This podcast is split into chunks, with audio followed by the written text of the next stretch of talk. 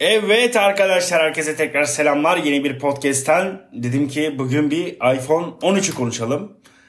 iPhone 13 malum piyasaya artık sürülüyor ee, ve e, şöyle bir almama gerekçelerini konuşalım istedim. Yani enteresan bir şekilde Apple yine kendini şaşırtmadı ve fiyatlarını uçurmaya devam ediyor. Fiyatlarıyla beraber de e, kattığı özellikler de öyle büyük bir şey göremedim yani biraz inceledim e, mevcut kataloglarını. Şimdi tasarımsal anlamda hiçbir yenilik göremedim ben şahsen. Yani sadece bir kameranın çentiğinin birazcık daha küçültüldüğünü gördüm. Android telefonlarda zaten bunlar ya nokta şeklinde ya da e, efendim mesela ekran altına gizlenmiş şekilde. Niye hala ısrarla e, bunu kaybetmemeyi e, düşünmüyorlar anlamış değilim.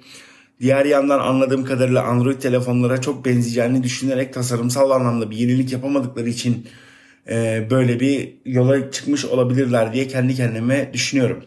İkincisi bir parmak izi okuyucusu yok telefonların. Yani tam pandeminin ortasındayız o oluyor bu oluyor ama yani bir insan bir parmak izi okuyucu bir gözleriyle arar diye düşünüyorum. Hala enteresan bir şekilde parmak izi okuyucu koymuyorlar ve bu şekilde kullanıyorlar. Ee, diğer yandan baktığımda A15 Bionic işlemci çıktı. E çıkmasaydı da olurdu. Yani A14 Bionic işlemci ile A15 arasında çok büyük bir fark yok. En nihayetinde Apple telefonlarla astronomik seviyede işlem yapan insanlar değiliz. Genel çerçevede bakarsak mimar değilseniz, mühendis değilseniz ya mühendis ya da mimar olsanız bile bu kadarına gerek yok. Ayrı konuda yani A14 Bionic işlemci ile A15 Bionic işlemci arasında çok büyük bir fark göremedim ben. Diğer yandan baktığımda e, Aa, yani mevcut iPhone'un eski 12 Pro Max'lerle 13 iPhone Pro Max arasında görüntü anlamında ve yazılım donanım anlamında neredeyse bir fark yok gibi bir şey diyebilirim.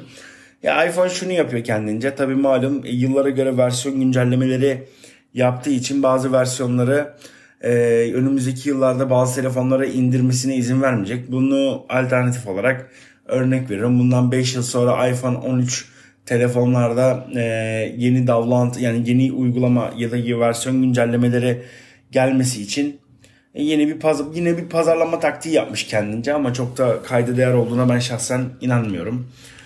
E, hala e, 120 ekran tazeleme hızına gelemediler.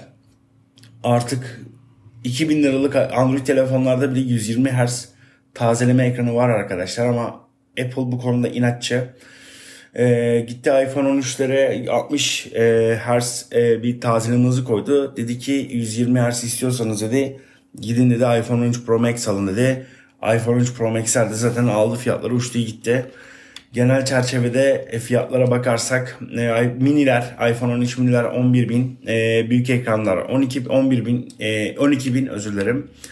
Pro'larsa 16 bin e, ve 21 bin lira arasında dolaşıyor. Yani 21 bin lira bir telefona gerçekten vermeye gerek var mı? Tamamen sizin cebinizin bileceği bir şey ben öyle söyleyeyim. Yani şahsi fikrim zengin de olsanız ne bileyim aynı özelliklerdeki bir telefona niye böyle bir şey yapasınız? Niye alasınız? Enteresan bir şekilde Apple sadece bir işlemciyi A14'ten A15'e çıkarttı diye bu fiyata bu para verilmez bence. Yani en azından donanımsal bir karşılığı da göremedim. E, tasarımsal bir karşılığını da göremedim. Bir karşılığını göremedim. İşin aslı bu.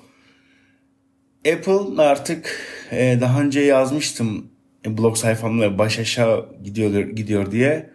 Zannediyorum daha e, bu kafayla giderse daha çok baş aşağı gidecek gibi duruyor.